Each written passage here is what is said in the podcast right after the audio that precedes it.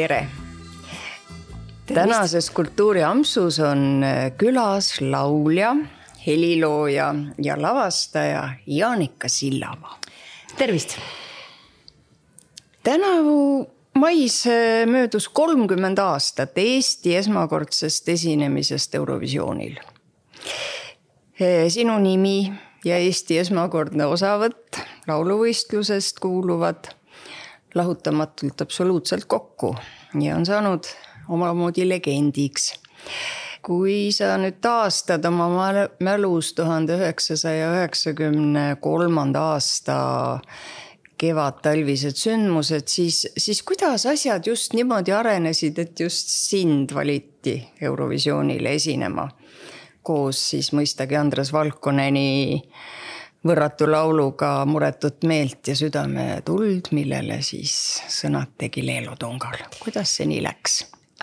põhiliselt oli see üks suur äh, kokkusattumuste jada ja hakkas see võib-olla peale sellest, et äh, Vestholmi äh, gümnaasiumis oli mul keemiaga probleeme ja ma sain aru, et ma vist kaheteistkümnendat seal ei lõpeta ja mul oli vaja kaheteistkümnendast klassiks minna kusagile mujale.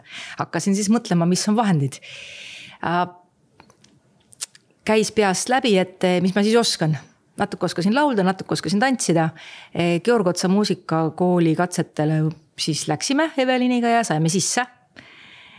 ja oli... Samuel ja olime vinginaabrid ja saime sisse ja sealt läks edasi kuidagi kõik asjad läksid nii kohutava kiirusega.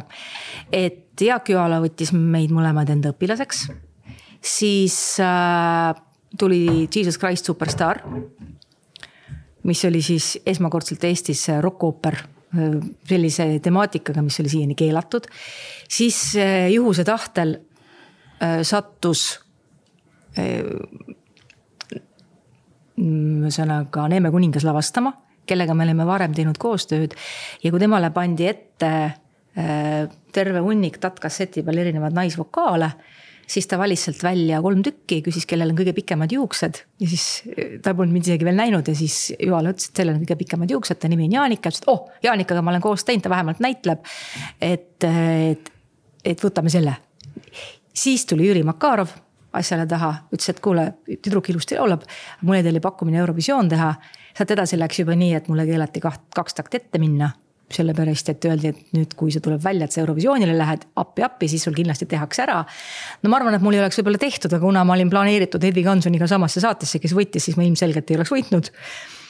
ja, ja kuidagi ta niimoodi läks, et septembris läksin ma kooli ja jaanuaris ma olin äh, Eesti Eurovisiooni eelvoorus, laulsin üksinda neid kõiki lugusid no kuigi Muretut meelt ja Südametuld ei muutunud maailma hitiks, on see tegelikult ikkagi võrratult ilus laul ja ta nagu heliseb kõrvus just sinu esituses. et äh, ma arvan, et see oli sulle niisugune üks elu tähetundidest, siin ei ole vist midagi vaielda kusjuures ma ei ole päris kindel. Äh, vahest ma mõtlen, et see oli mingis mõttes liiga vara. Et eks ma olingi õudselt noor, ma olin ju seitseteist. ja see laul oli ka selline, et äh, no me läksime Jaak Juhalaga tülli selle pärast, sellepärast et kõikide eelduste kohaselt oleks pidanud võitma lootus. aga mõlemad valdkondade lood aga minu enda sümpaatia kuulus äh, Muretut meelt südametuld loole ja see ei olnud meelega tehtud see lihtsalt kukkus nii välja, et äh, Jaak Lahe pärast tuli ja, ja siis põhimõtteliselt karjus mu peale, ütles, et sa tegid meelega, et see lugu võidaks. et ma ei eita, et see on parem lugu, aga see ei jõua seal idablokis kellelegi kohale. võib-olla tal oli õigus mm, -hmm. nii et ma ei tea, aga mul on endal siiamaani hea meel, et see lugu läks, sellepärast et ma olen siiamaani selline idealist, mis puudutab muusikat, et parim lugu peab võitma. mitte parim müügilugu, vaid see lugu, mis muusikaliselt minu meelest on nagu küpsem ja tervem no ma räägin, on ju võrratu mm -hmm. lugu. ilus lugu jah. aga kuidas sa seda tegid, et, et just see lugu võitis? Nagu Jaak Joala sulle karjus. loomulikult ma ei teinud seda. Äh, eks see laulja enda esitusest ilmselt tuleb mingi eelistus välja selles mõttes, et äh, laulda saab erinevalt. ja, ja see seitsmeteistaastane laps on ikkagi veel nii palju tegelikult laps, et eks sealt on aru saada, mida ta armastab ja mida mitte. ja ma olin selles mõttes ka selline ma olin kunagi väga vahetu, sellest ei ole võib-olla midagi järgi, aga sellel hetkel ma olin väga ähm,, uskusin väga paljusid asju, isegi vist jõuluvana no täiesti selge, et see tuli niimoodi välja ja, ja seda oli igatepidi kuulda, näha ja tunda, kui väga sa seda laulu armastad. no kogu see sinu esinemise protsess kõigega, mis sinna juurde käis, eks ole, sisaldas endas nii meeldivat kui, kui ebameeldivat ja mõlemaga tuli toime tulla. no siin ebameeldiva osas sa juba natuke valgustasid meid. aga mis oli siis see mis äh, sind nagu tiivustas lisaks sellele, et sa said selle ilusa laulu seal esitada ja see väga paljudele meeldis ja siiamaani käiakse, ümisetakse. mis oli see meeldiv mm.? mis selle Eurovisiooni. hämmastav, et tegelikult sellised asjad, mis võib-olla tunduvad veidrad. Äh, no ütleme üldplaanis igasugune kogemus, see sinna minna, seda kõike näha, ka seda totaalset postsotsialistlikku segadust, sest see korraldus seal kohapeal oli ulmeline. me olime selleks ajaks juba väikses Eestis kuidagi ikkagi nagu kanna maha saanud ja lihtsalt eestlane oma olemuselt on palju korrektsem. noh, see oli Sloveenia see oli ikkagi, no see, ma käisin Sopotis ka, see oli umbes nagu Sopot noh, selles mõttes, et, et kõik oli selline. mitte midagi kindlat ei olnud see oli selline omamoodi huvitav, huvitav nähtus kui niisugune, siis äh, mäed, uskumatu, et kui ma tulin tagasi, siis, siis kui seda õudset sellist avalikku peksmist oli palju, siis ma alati kinnitasin iseendale, et aga ma vähemalt nägin mägesid, päris mägesid, Lubiste tippudega mägesid, me sõitsime seal, katsin alla kukkuda, vaatasime sealt püstloodis alla kukkumist ja, ja aga see tunne, et kuidagi seda, sellest ma nagu hoidsin kramplikult kinni. ja siis seal olid mõned väga, väga, väga toredad inimesed ma ei osanud ühtegi keelt sellel ajal nii palju, et ma oleks saanud nagu väga väljaspoole suhelda kellegagi. aga nii palju, kui see, seda võimalust nagu oli, siis, siis oli seal väga, väga vahvaid tegelasi, kusjuures mitte niivõrd artistid kuivõrd just äh, need inimesed, kes seal ümber olid. Äh, artiste kuidagi turvati, hoiti, need ei lastud omavahel väga palju kokku, kõige rohkem turvatud artist oli muidugi mina ise. mul oli see meestering seal ümber, Makarju ja Joala, nad üldse oleks mind ära lukustanud tuppa, kui oleks saanud. Äh, aga, aga näiteks meikarid, siis tollel hetkel käis asi klapiga.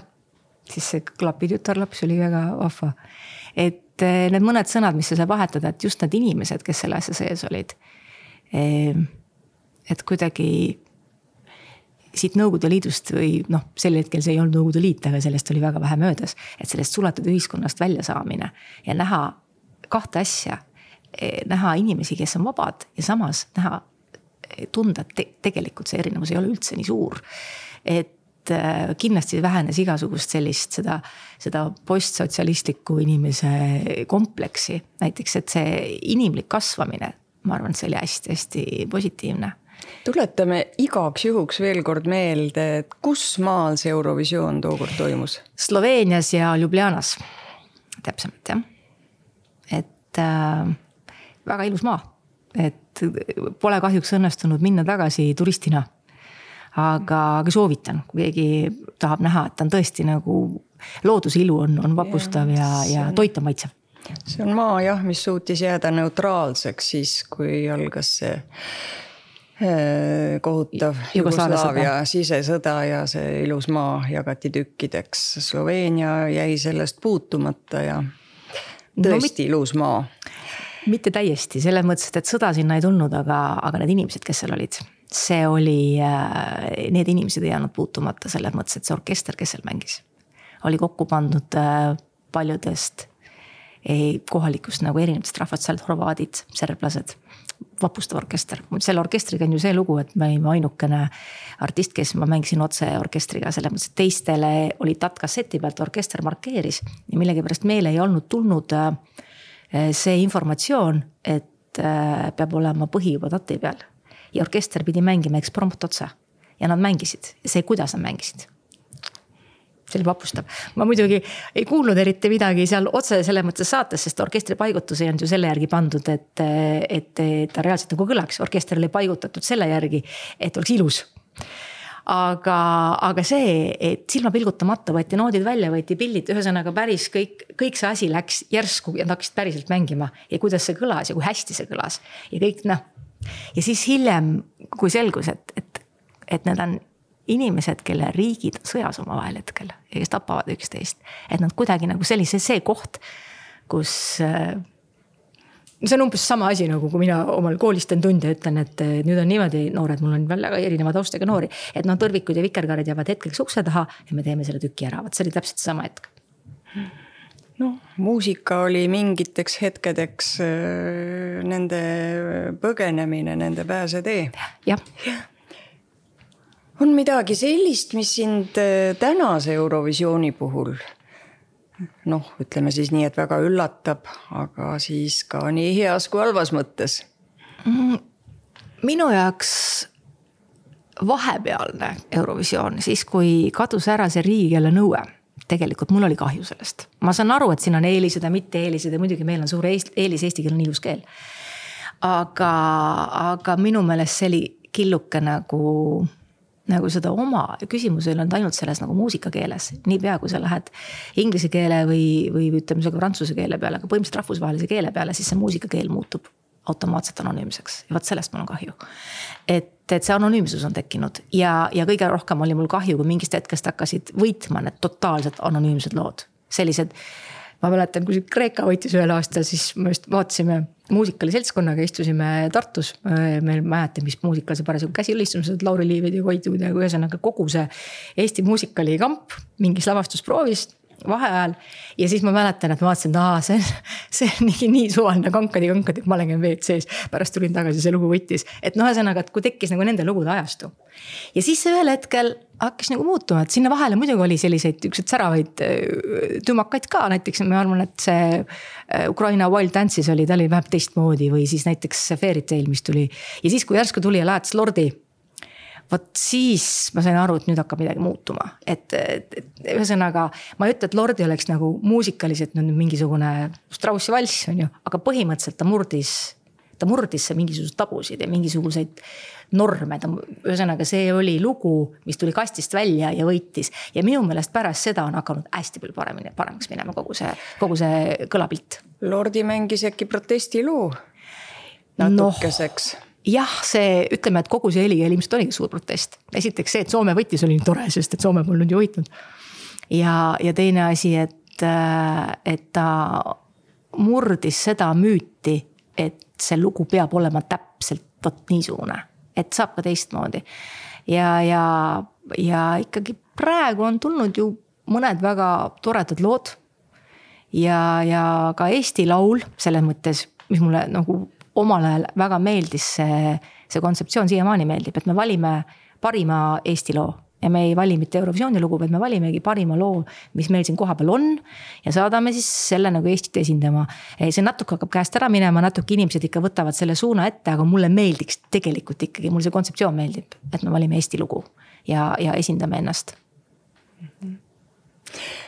no nagu sa ütlesid, sa olid seitsmeteistaastane, kui ja. sa Eurovisioonil esinesid, olid noh, ma ei tea, naiivne ei ole liiga ilus sõna, eks ole aga.... see on väga aus sõna minu kohta kindlasti sellel hetkel. et olid naiivne? muidugi. Nonii ja siis äh, uskusid äh, paljusid asju, aga see on ju ilus ka natuke, eks ole, ärme nüüd siis äh, arva, et me kohe sündides oleme mingid blaseerunud kujud. ja ühesõnaga olid selline särav noor tütarlaps.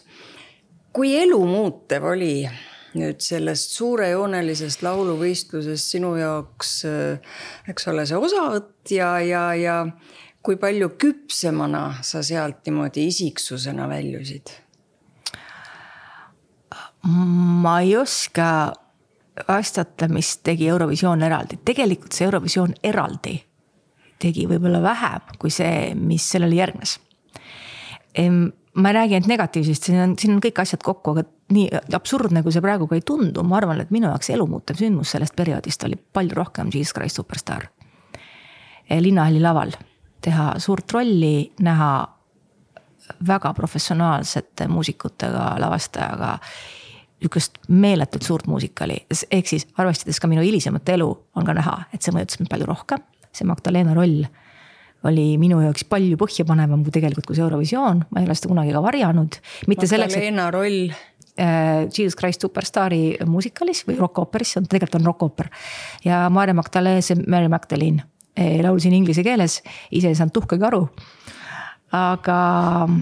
lihtsalt õppisid pähe noh, enam-vähem midagi seal oli, ma pärast seda, üsna pärast seda hakkasin tugevalt tegelema keelega ka. võtsin hästi naljaka sellise õppevormi endale, et äh, võtsin Lord of the Rings inglise keeles, mis ei ole väga lihtsas keeles. ja hakkasin lugema otsast, täiesti oskamata keelt alguses kõikide sõnaraamatutega, tolleaegne Peigmees natuke aitas ka. ja kolmandaks osaks ma ikka olin võimeline juba rääkima ja kirjutama. selles mõttes seal on nagu raamatus kolm seda nii-öelda osa. ja, ja kindlasti oleks ka lihtsamad vahendeid, aga ma ei tea, sellel hetkel tundus kuidagi väga huvitav.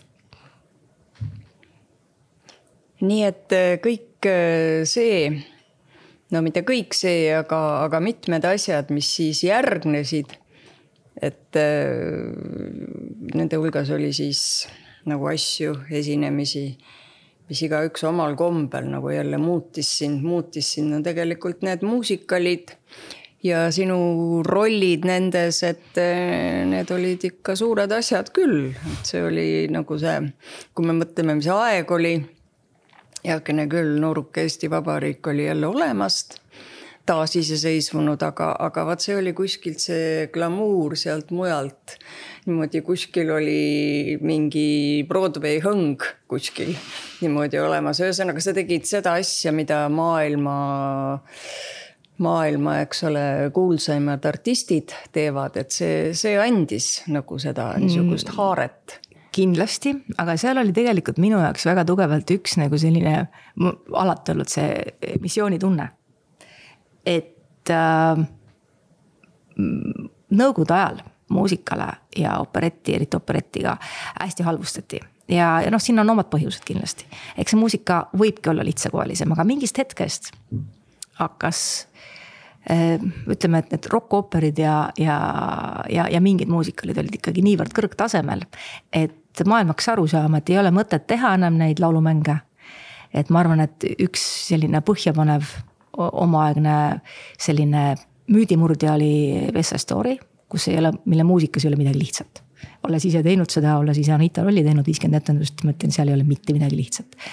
mäletan, kuidas meil oli, äh, õppisime seda Ameerika lugu ja kõige raskem oli see, kui dirigent Lennart pani plaksutama baleriinid seda rütmi, sest et keegi ei saanud sellele pihta, nad õppisid kõigepealt rütmi ja siis sai hakata koreot alles tegema. seal ühesõnaga, et et äh, et ja siis mingist hetkest on hakanud tekkima väga palju muusikale, mis on tegelikult oma olemuselt väga keerulised ja komplitseeritud, Evita.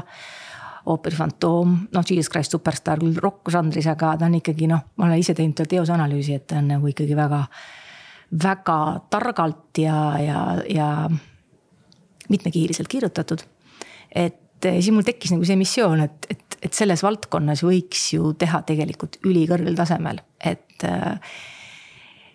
et täpselt niimoodi, siin mu lava kõrvalt Ingo lubas mind, et ma läksin Georg Malmise assistendiks, kui tehti Miss Saigoni. ja siis ma tegin seal ka rolli, et, et ma tahtsingi seda teha, jah. Georg Malvise enda assistent. ja ta kutsus mind no kuidas siis oli tema kõrval assistent olla, kuidas ta töötas? no keeruliselt, aga ütleme niimoodi, et äh, ma olen väga palju temaga teinud pärast seda. me saime väga hästi, selles mõttes, et siiamaani me saadame ikka sünnipäevatervitusi ja nii. aga me oleme, ma arvan, et ta on kõige rohkem mind lavastanud lavastaja üldse. selles mõttes, et ta on mind väga palju kasutanud oma tükkides ja ega me kumbki mingid kerged tüübid ei ole. ja meil ei ole alati sada protsenti sama nägemus nagu kunstilisest pildist aga tema töömeetodid olen ma kahtlemata üle võtnud. selles mõttes, et ta on hästi, ütleme, et Eesti äh, selles muusikamaastikul tuli ta millegi totaalselt uuega, alates sellest, et kõigepealt äh, ta oli väga punktuaalne. tema oli see muusikalavastaja, kelle tükk oli nädal aega enne esikat valmis, nii et publiku võis saali lasta. mitte midagi see, et kolmandal etendusel läks paika, temal oli kõik alati valmis ja, ja läbimõeldud. tema ei hakanud lavastama kunagi, et vaatame, mis saab mulle näiteks vahest meeldib, aga mitte kunagi. tal oli äh, absoluutselt käeliigutuseni kõik tema, tal oli kõik oli tema peas, selles mõttes ta oli hea füürer. et, äh, et teadis väga täpselt, mida ta tahab kust trepist, mismoodi ja kui sa tegid midagi teistmoodi, siis tuli see tema kultuslik lause you destroy my picture. et äh, mm,. lõhud mu pildi ära jah. ja, aga samas, samas äh, tema see tööeetika oli, mulle väga meeldis. et näiteks ta lõhkus ära hierarhilised piirid, mis olid väga tugevalt meie teatris eh, nagu ütleme juurdunud. näiteks see, et, et kui ma läksin Draamateatris ja ütlesin valgustajale, et kuule, et mis sa nüüd seal istud, tule minu lauda, siis see valgustaja pidi šoki saama. selles mõttes, aga Inga Norm, Inga Norm, vabandust, Georg Malmus tegi selle asja, et ta võttis äh, kõigepealt trupi kokku esimeses proovis ja ütles niimoodi, et ma kuulsin, et te käitute tehnilise personaliga ebaviisakalt. Et äh, ma nüüd tahan, et te kõik panete tähele, et need inimesed, kõik riieturid, valgustajad, etendusjuht, nad on kõik siin ainult teie pärast. Nad on kõik teie pärast ja ma ei taha kunagi enam kuulda ega näha, et kedagi jäetakse tervitamata või et aitäh on palju. ja, ja see oli nii südamlik ja niivõrd nagu, isegi see tema viha oli nii südamlik. et ma arvan, et me sellest õppisime kõik hästi palju ja selles mõttes, miks ma tahtsin nagu, jõudsin Ingo Normetini, et Ingol oli täpselt sama mentaliteet. mis ei olnud Eesti tollel hetkel sellises draamateatris, mitte ainult meie see riiklik draamateater, vaid üldse meie draamakunstis väga levinud Eh, mentaliteet, et noh, minu mees, kes alustas noorena eh, lavamehena, minu noh, abikaasa või meise laste isa. tema ütles, et, et meie ajal küll ei olnud niimoodi, et ma oleks näiteks Ita-Päeviga samas lauas istunud. et sellist asja polnud olemas lihtsalt, et, et äh, see on äh, üldse väga omane praegusele teatrile, need muutused, mis tulid, aga nad hakkasid tegelikult sellest, et ühelt poolt Ingo, kes koolitas, on ju. teiselt poolt Malvus, kes tuli Rootsist, kus on kõik hästi see võrdsus arenenud, et ma arvan, et see oli ja ma rääkisin väga pikalt.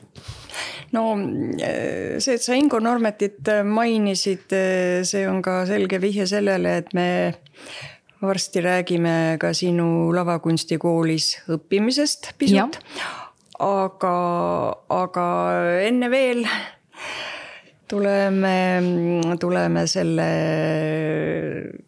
eelneva arengutee juurde.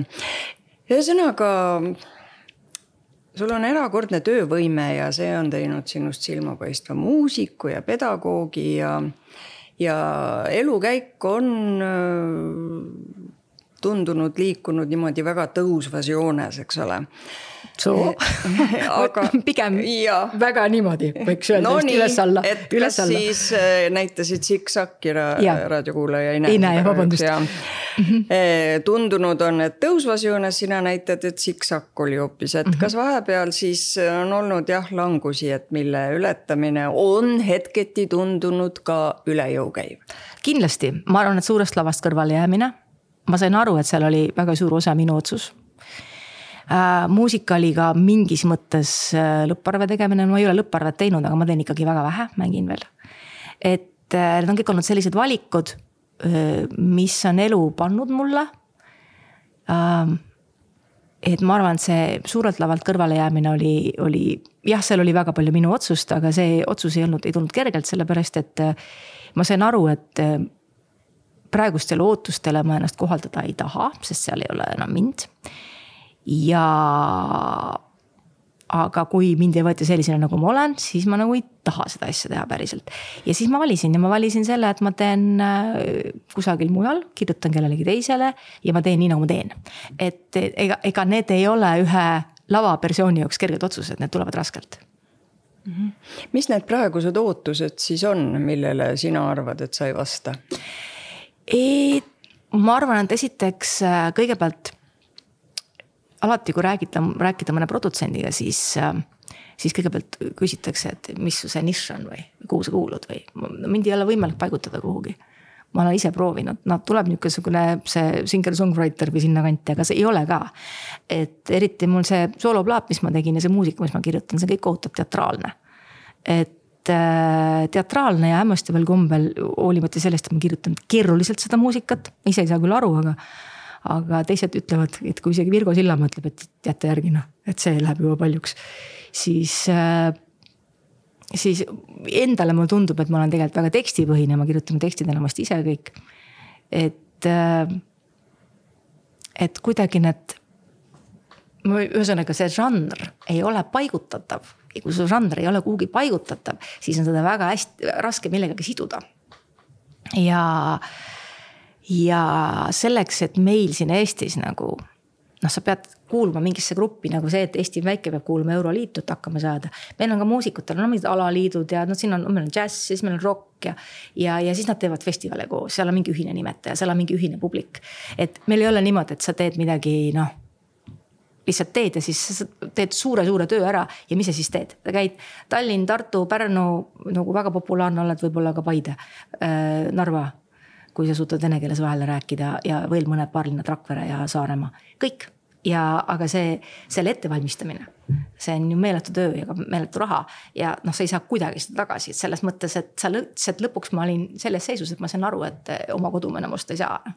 et äh, sa pead valikut lihtsalt tegema oled sa igatepidi väga-väga seotud ähm, Kaari Sillamaa kaunite kunstide kooliga, aga eh, mille juurde me ka kohe jõuame. Eh, tuure kui selliseid sa siis täna enam ei tee, ma arvan, et oleks inimesi, kes oleksid huvitatud sind kuulama, nägema. mul ei ole aega hetkel lihtsalt sellist, et ma võtaks kätte ja hakkaks tegema, kui tuleb see inimene, kes ütleb, et ma teen niimoodi, et ma korraldan kõik ja mina võin tegeleda ainult muusikaga. ja ma olen võimeline kokku panema bändi, mu vennal on stuudio, ma võin, ma võin kõik, kõik ära teha, välja arvatud ee, müümine.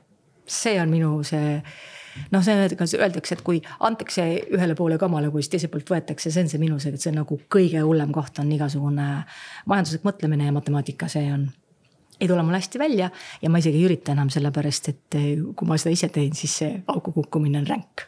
produtsent peab olema? selles mõttes, et eh, tänapäeval produtsent on see, kes teeb muusikaliselt, muusikaliselt ma teen kõik ise. ja, ja selles mõttes ma olen ähm,. no ütleme siis mänedžer. jah, aga seda ametikohta justkui pole enam tänapäeval. ja mul on olnud, proovitud on, väga tipptegijad on proovinud, üldiselt mind on väga raske müüa. et see on äh, asi, millega ma olen ammu leppinud, et seda, seda ei ole mõtet nagu üles kiskuda. aga, aga see on üks põhjus, mikspärast ma olen nagu läinud paralleelrida pidi, ma kirjutan. ja, ja ma kirjutan lastele, ma kirjutan noortele, vahest teistele lauljatele. mõnikord, kui on vaja stuudios Frank vend, väike vend Frank helistab, et kuule, meil on siin mingisugune üks sihukene Ameerika härrasmees, kes tahab, et sa teeksid kooriteadet eesti keeles, siis ma lendan kohale, hästan käigu pealt midagi, vahest valmistan ette. et sellega ma teen päris palju praegu. tuleme nüüd selle päris väikese tüdruku aastatesse. et ähm, kas enne Colombiinat sinu ema vist lõi sellise lasteteatri? vastab tõele. vastab tõele. Kaari Sillamaa ja sina mängisid seal kaheksa-aastaselt või olid sa veel noorem? ma olin kahe, ma sain just kaheksa jah. kas, kas see tähendab seda, et nojah, musikaalsest kodust, nagu sa pärit oled, et sa tegelikult juba said ise ka aru juba, juba enne seda, et sa ikka väga tahad siin elus laulda ja Columbina oli nüüd koht. kus ma sain seda teha, tegelikult just... üldse ei ole nii tegelikult on hoopis teistmoodi, tegelikult oli hoopis niimoodi. väga huvitav. et äh, ma tahtsin saada baleriiniks. aga baleriini minust ei saanud kuidagi saada, sest et äh, mul ei ole sellist jalad, ma saaks tantsida, puhtfüüsiliselt. seal see varvasking ei, ma ei saaks varvaskingadel tantsida. see sai väga varakult selgeks, ema näitas mind Werner Loole, kui ma olin mingi üheksa või kaheksa või, umbes selline olingi, ta ütleski, et noh, nii musikaalne tüdruk, nii ilusad käed, kõik. las teeb äh, muusikat, et noh, et võib-olla, kui ta väga kõvasti tööd teeks, võiks tagumises reas luike tantsida, milles ma kahtlen, on ju. aga et ei ole mõtet raisku lasta Ivo Sillamäe tütar. no ühesõnaga sihuke seik oli, ma olin väike. olingi vist mingi seitse või kaheksa, aga siis mul ema-isa lahutasid. ja, aga ma tahtsin kohutavalt tantsida metsikult tahtsin tantsida, ma isegi tegin äh, esimeses klassis, Juta Ark-Rause tegi rütmikatunnis tegi balleti Inetu pardipoega, ma seal tantsisin Inetut pardipoega. et äh, ma oma hinges, ma muusikat, ma tantsin endale peas. ma olen alati olnud rohkem nagu selle poole inimene, lihtsalt see ei tule mul võib-olla nii hästi välja. aga, aga kuna see teater oli see ja muusika, mis võimaldab väga palju tantsimist, siis mul noh, ema kirjutas muusikat juba väga noorena. et ta tegi selle teatri rohkem võib-olla lohutuseks sellest, lohutusest toibumiseks ja kõigest. et, et kuidagi ei olnud üldse plaan, et ma peaksin pöialisi olema. see, et ma laulan hästi ja täpselt, selgus siis, kui ema hakkas muusikat kirjutama, siis ta kirjutas, kodus on sul seitsmeaastane laps, on ju, sa kirjutad selle järgi, mis laps ära laulab. ja siis, kui selgus, et me võtsime kogu selle, selle muu seltskonna kokku, seal oli väga musikaalset äh, rahvast. ja keegi peale minu ei laulnud ära. vot siis üldse avastati, kõigepealt tuli see muusika ja siis üldse avastati, et äh, et tegelikult ma laulan võib-olla natuke keskmisest paremini see, see ei tulnud ennem, sest meil olid majas, kõik olid muusikud, ma mängisin viiulit, noh, kõik oli musikaalsed, käisin muusika keskkoolis, seal oli kümme samasugust. et äh, ja siis ma tegin seda rohkem sellepärast, et äh, noh, kuidagi läks nii. ei olnud see minu ema, aga mu enda esimene soov, ega ka esimene valik muide. ka minu ema ei, ei olnud, ma alguses tahtsin liblikat mängida. et sai tantsida oleks saanud palju, ma ei saanud. Et kuidagi nii läks ja edasi see teatri asi oli see, et ma olen eluaeg laulnud pigem sellepärast, et mul tuleb välja. aga tegelikult tahtsime saada tantsijaks, nii et lugu on hoopis selline. no aga täna ikka tahate tantsijaks? muidugi, äh, ma ei saa enam tantsijaks, aga ma tantsin kodus hästi palju. ja ma mõtlen tantsides, ma ei saa olla päris selline koreograaf, aga oma tükkides ma teen sellised lihtsamad, äh, ma sean oma laulud liikumisse mitte nagu tantsudeks, vaid just mingisugune selline nagu omale Jüri Nael tegi, kui ta tegi Evitat, et sa, mehed liigutavad konjakaklaasi rütmis ja seal on mingi mitmekiirised asjad. mulle meeldib näha seda tüüpi liikumist, et äh, igasugune inimkeha väljendusvorm või ütleme, see, see võimekus seda muusikasse sümbioosi teha. et see on võib-olla see, mida ma kõige rohkem tahan teha, mulle meeldib teha seda no vaata, kui tore tegelikult, sest et see annab sinu loomingulisele tegevusele sellise oma põneva mõõtme juurde. võib-olla küll jah. läbi tantsu miks mitte. no Colombina on üsna selline märgiline tähis kuna selle baasil kasvas, eks ole, tuhande üheksasaja üheksakümne neljandal aastal välja Kaari Sillamaa laste kaunite kunstide kool üks igavesti uhke loomingumaja, kus, kus sinagi töötad ja enda sõnutsi teed kõike. jah mis see tähendab, kust alates, kusmaani?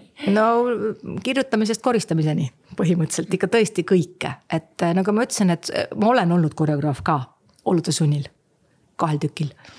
Äh, aga põhimõtteliselt tead, muusika, tekstid, siis orkestreerimine, arranžeerimine bändile, kui on vaja, kui keegi teine kirjutab äh,. libreto, lihtsalt näidendid, draamatükke olen kirjutanud e,. kostüüm, lava. praegu on äh, kostüümiradu minu majandada äh,. mis siis veel? rekvisiitor ma ei ole olnud. kui sa oled lavakunstnik, siis sa lihtsalt oled seda tahes-tahtmata äh,. väitlema olen pidanud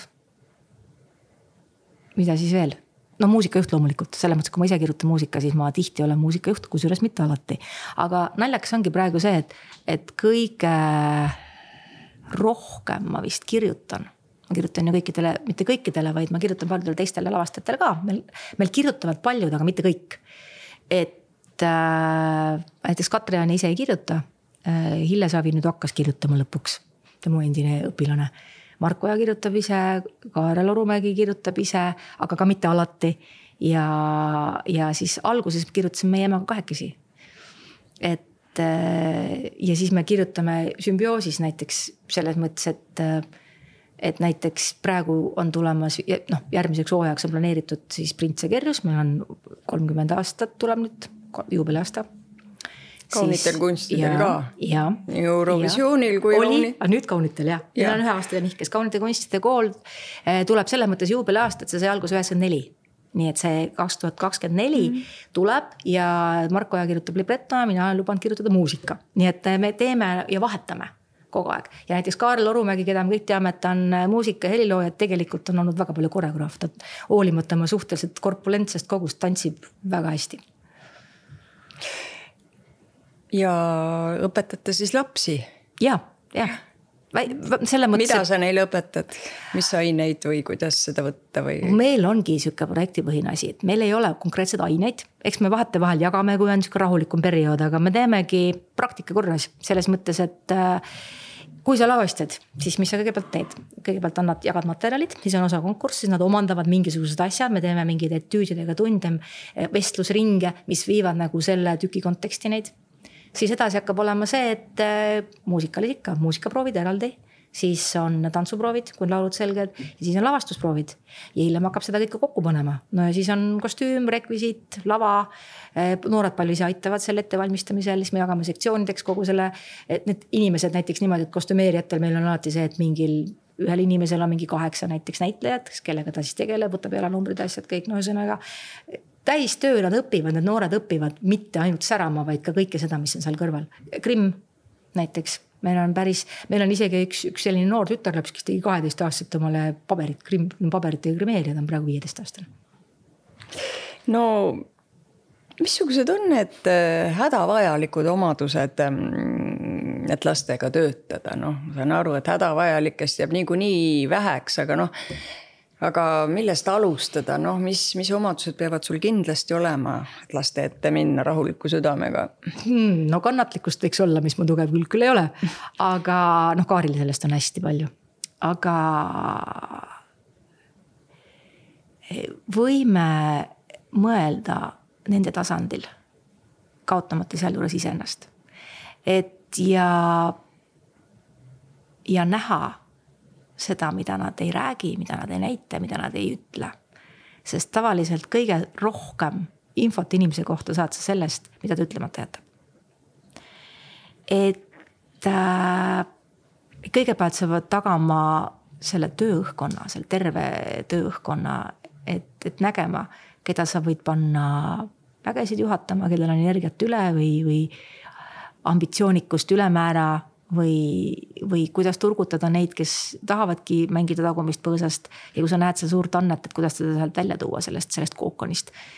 et äh, meie kooli ajal üks kõige tagasihoidlikumaid tütarlapsi, Laura Kukk, kes alguses esimesed kolm aastat ainult nutis, on praegu noorsooteatri näitleja näiteks, väga hea näitleja ja, ja, ja niimoodi, et kui sa hakkad nagu nägema neid asju ja siis kuidagi seal vahel niimoodi laveerida, et see, seal ei ole valemit aga, aga põhiline on see, et, et sa pead äh, kuidagi seda mustrit haldama.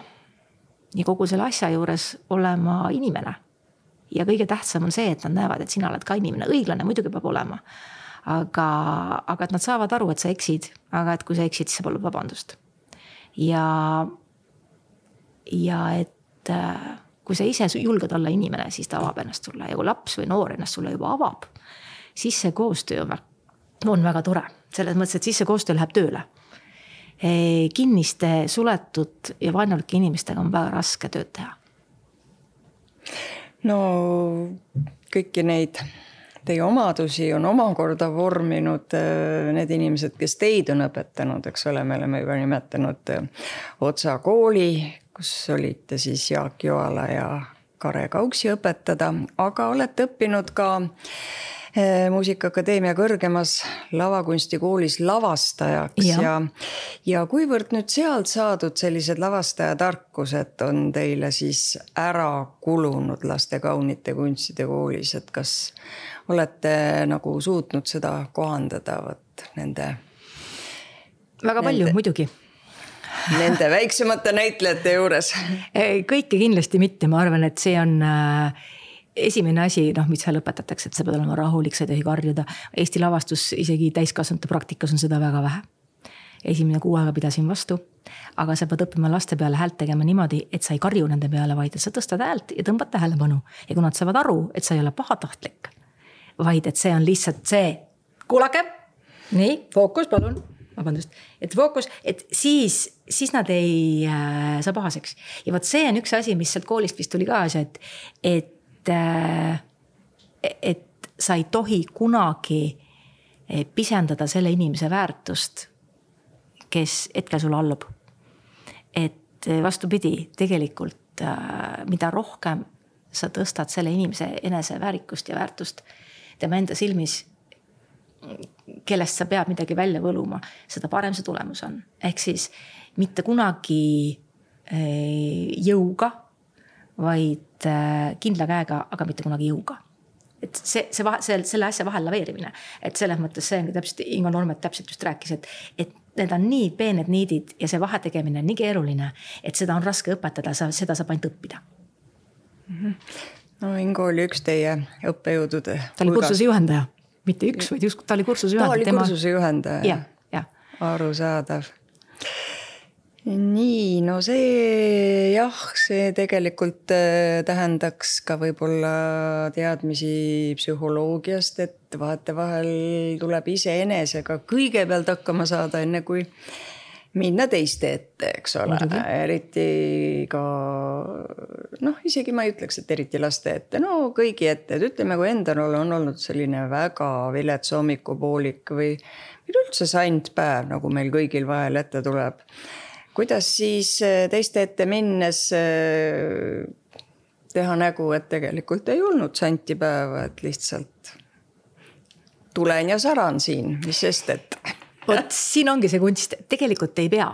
kui minul on olnud väga sant päev, siis ma olen noorte ette ja ütlen nii, mul on täna natuke kehv päev ma luban me karjutee peale, aga ärge niisama ärritage ja nad on väga mõistlikud selles mõttes, et kui nendel on olnud kehv päev, koolis on halvasti ja ta nutab ja ta on endast väljas. ma luban ta tunnist puhkama, ma, ma tulen vastu ja nad tulevad mulle ka vastu kui ma ütlen, noh, seda ei ole väga tihti lihtsalt, aga kui nad, vahest on raske, et just see ausus on tegelikult see.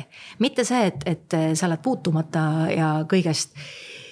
et ja, ja alati ja laval sa pead alati särama, proovis sa ei pea alati särama, proovis peab olema aus. see on nagu hästi suur vahe, lava ja prooviga, et laval sa kõik see, mida sa proovis valmis teed läbi selle aususe, sa lood mingisuguse mustri. ja laval sa pead seda siis esitama, sõltumata sellest, mis tuju sul on. aga proovis peab olema aus, sest et muidu seda ei sünni. no mida tähendab olla laulja tänases Eestis, sest et äh, küsin nii, kuna vahel tundub, et selline julgus ja läbilöögivõime on palju olulisema tähtsusega kui kui anne, et anne võib jääda nähtamatuks, kui puudub tarmukus. minule on küll selline mulje jäänud. ma ütleks, et vanasti on olnud samamoodi väga palju, et ikkagi äh, on olemas vana kooli lauljaid, kes on säravamad isiksused kui vokalistid võib-olla kaasa läänemaailmas selles mõttes, et, et noh, nagu on ju räägitud, et, et ega see Mick Jagger nüüd nagu üle viie noodi väga ei tulnud. aga me oleme korra juhuse tahtel niimoodi kohtunud meetri kauguselt. et noh, see aura muidugi meeletu, mis seal ümber oli. et eh, jah, ma arvan, et inimese tuntuks saamine on väga tugevas vastavuses mitte füüsiliste eeldustega ja selle hääle ulatusega või, või isegi musikaalsusega, vaid tegelikult ikkagi isiksusega. et äh, ega hääl ei laula, inimene laulab äh,. sul võib olla tohutult ilus fraseerimine, kui sul taga ei ole seda background'i, kui sul ei ole midagi öelda. siis, siis see, kui ilusti see kõik välja tuleb, sellest on vähe kasu. aga tänapäeval lihtsalt see, mida sinna taha nagu vajatakse, see, need, need eeldused on lihtsalt võib-olla teised.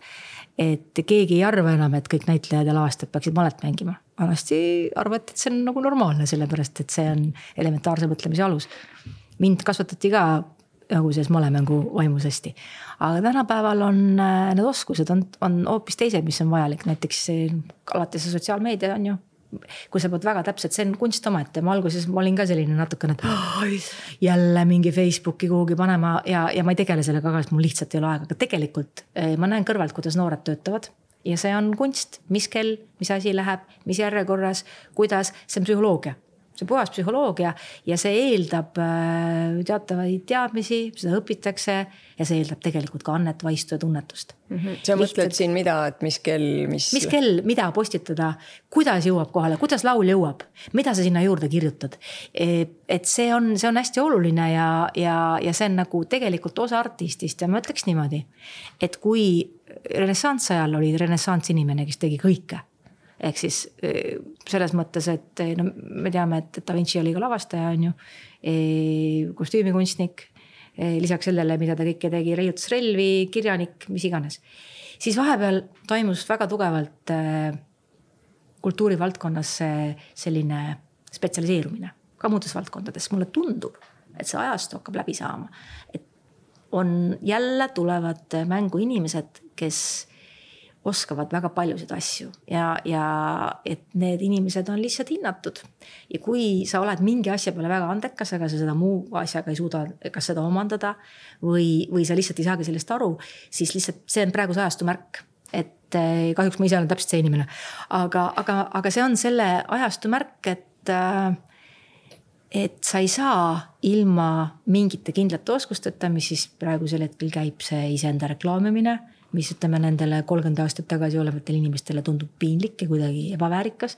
aga tänapäeval lihtsalt ei saa ilma selleta ja nüüd on sinu valik, kas sa tuled sellega kaasa või sa jääd sellest maha. noh, mina jäin maha, need, kes kaasa tulevad, need lähevad edasi. aga see ongi valikute küsimus. no sina jäid maha, aga lähed ka edasi. ma olen teistmoodi, ma teen, mul ei ole piinlik teisi reklaamida, oma õpilasi ma võin lõputult reklaamida, ma armastan neid. no meil oli siin juttu, et kirjutanud oled sa palju libretosid ja, ja loonud muusikat ja ühesõnaga teinud palju sellist tööd, mm, mis äh, võiks nagu eeldada sellist pingsat äh, loomist üksinduses, et, äh, et kas sinu jaoks on üksinda töötada raskem kui mitmekesi koos, et Äh, siis tekib ju selline ühine ajurünnak ja mulle tundub, et sa niimoodi ka väga armastad inimesi enda ümber. ma võin eksida. ja ja, ja kui tekib äh, teistega koos tihe mõttevahetus ja niimoodi või, või, või on need suurepärased hetked üksi seal libretot luua või muusikat, kuidas on? täiesti üksi ma armastan inimesi, kui ma nendega töötan, aga ma vean väga palju suurt isikuruumi ja väga palju üksi olemist. Õnneks ka minu perekond on samasugune, nad mõistavad seda, selles mõttes minu mees ja minu laps on ka sellised, et me, Alma võib ukse kinni panna ja olla tundide viisi omaette mängida, kui ma kirjutan, ta saab sellest aru. ja kui ma kirjutan, siis ma kirjutan nii, et ma mäletan, kui kaksteist kuud avamängu kirjutasin, ma tegin hommikul kell kaheksa kohvi valmis sellel hetkel meil ei olnud suurt voodi, kirjutuslauda mul siiamaani kodus normaalselt pole, ainukene lapsel õppimislaud. ja ma kirjutan voodis, arvutis, klapid peas või ilma klapideta, klaver on kohe voodi kõrval. ja ma mäletan, et seda momenti, kui õhtu pool üheksa ma avastasin, et kohvi on jahtunud seal kõrval. ma ei olnud, ma ei tea, kas ma WC-s käisin, ma ei mäleta, aga seda kohvi ma ei olnud joonud, ma ei olnud söönud mitte midagi, ma kirjutan selliselt. aga siis ma kirjutasin selle valmis. Et siis sa lähed lihtsalt üleni, mhm. üleni selle sisse. Eh, sul on kaheksa-aastane tütar Alma ja. ja mida te siis üheskoos ette võtate neil hetkedel, kui sa ei ole tundide kaupa oma toas? ei, me üsnagi, no ütleme nüüd niimoodi on natuke raske, et ta ikka üldse ikka ta tuleb ja küsib vahepeal. mis me koos võtame, no näiteks eh, Alma tahab olla väga nagu emme. näiteks minu praeguseks sünnipäevaks ta kinkis mulle laulu, ta kirjutas ise laulu, sõnad ja viisi minu ema tegi klaverisaate sinna ja need kui need igasugused perekondlikud kurvad sündmused möödas, me läheme seda salvestama. et äh, üldse ei tahtnud tast muusikut teha, absoluutselt ei olnud plaanis, aga lihtsalt kuidagi elu on nii läinud, mina nii varakult ei kirjutanud. see on täiesti ilus laul ja see ei ole esimene esimese, oma esimese laulu me kirjutasime koos, kui me kirjutasime Ivo Sillamäele vanaisale juubeliks laulu Vanaisa, vanaisa, oled tore. Alma sõnad. et, äh, et jah, me teeme, teeme tööd ka koos mida ta kodus mängib ta mängib teatrit, ta mängib, ta filmib, tal on tahvelarvuti, ta teeb sellega filme, ta mondib, tal on programmid, millest mina ei tunne neid programme. kui tal läheb midagi katki või valesti, siis ta võib karjuda, siis ma ütlesin, ma ei oska teha midagi nendega.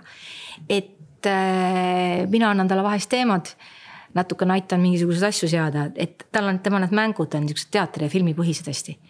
et äh, aga mida me perega teeme või äh, kui Alma sündis siis eh, mina oma mehele panin, ühesõnaga panin käed puusa, olin selline klassikaline taignarulliga Ukraina naine, ütlesin nii. me ei ole sinuga kunagi välismaal puhkamas käinud, ainult tööl. ja nüüd, kui laps sünnib, siis mina tahan, et tema maailma näeb. ja siis eh, Villu ütles, et noh, kuule, ta on, mis asja, ta on, alguses on ta selline pisikene, et no mis asja, tal on täitsa kamakas, me oleme Nuustaku, me oleme Pariisis. ja siis ma ütlesin, hea küll, käime siis mööda Eestit ja siis Alma sünnist saadik igal talvel, igal suvel oleme me käinud äh, puhkamas niimoodi, et me võtame selle aja ja me käime kõik vaatamisväärsused. ja niimoodi, et ja siis, kui ta veel viieseks sai, ma kinkisin talle Eesti kaardi, nii et ta on ise valinud need sihtpunktid. ja siis äh, niimoodi oleme käinud, me oleme väga, Hiiumaad, Narvad, noh kõik ära avastanud. ja siis, kui ta seitse sai, siis ma kinkisin talle Euroopa kaardi. nii et äh, nüüd me tulime Veroonast hiljuti just et äh, meie pereasjad on see, et, et me võtame kätte ja, ja siis me käime ja siis me võtame sellest maksimaalse. Neid asju me teeme koos, aga muus osas, mida ikka emad-lapsed koos teevad, me räägime palju, sest et me räägimegi mõlemad väga-väga-väga palju. ja, ja äh, ta armastab Tallinnat, me käime Tallinnas jalutamas, talle kohutavalt meeldib äh, jalutada vanalinnas. siis me käime looduses, Villu on maapoiss tal on tema, ütleme, see maakodu on ta, õde peab seda praegu, see on Kurgjal. Kurge maja muuseumist mingi paar kilomeetrit ainult, et, et me käime looduses, näiteks seal on vaskussid on seal kohe läheduses ja kukeseened, et käime jalutamas. et näiteks väga on näha, et Almal on hea baas all, et kui me nüüd käisime Veronas, me käisime seal kõrval Alpides. käisime, vallutasime tippu, Kiima Trapula tuhat kaheksasada kolmkümmend viis meetrit, kust, vabandust, tuhat kaheksasada kuuskümmend viis meetrit. ja siis mul telefoni järgi sain aru, et me käisime üheksa kilomeetrit maha ja ilma virinata, et tüdruk marsib ja kõnnib ja ronib ja, et selles mõttes on näha, et on näha, et tal on nagu baas all. et jah, seda me teeme koos. huvitav on ju mm. -hmm kui ma sulle juuli alguses helistasin, oli sul parasjagu kiire ja pakkisid asju, et Äh, kaunite kunstide kooli lastega siis äh, Pärnusse suvelaagrisse sõita. nädal hiljem helistasin, polnud samuti eriti aega hinge tõmmata, et ähm,. viimane võte oli. ja minu tookordse küsimuse peale, et millal sa siis puhkad, sain vastuseks, et ei puhkagi. no enam-vähem jah aga praegu, praegu sa siis ikkagi loetlesid äh, neid toredaid asju, mida, mida võib puhkuseks nimetada seda võib puhkuseks nimetada just nimelt, sest et ega kaheksa-aastasega puhkama minek on selline, et sa tuled koju ja tahad magada. üldiselt, see ei ole puhkus, see on ja. ettevõtmine. aga ikkagi ma saan aru, et kui on töö tegemine, et siis on selline laus töö tegemine, eks ole, et äh, ühesõnaga, et siis võib juhtuda nii, et ei ole päeval ja ööl vahet. Äh, see teinekord tervisele kahjulik ei ole. ma võtan omale mõne päeva vahest, kus ma ei tee mitte midagi.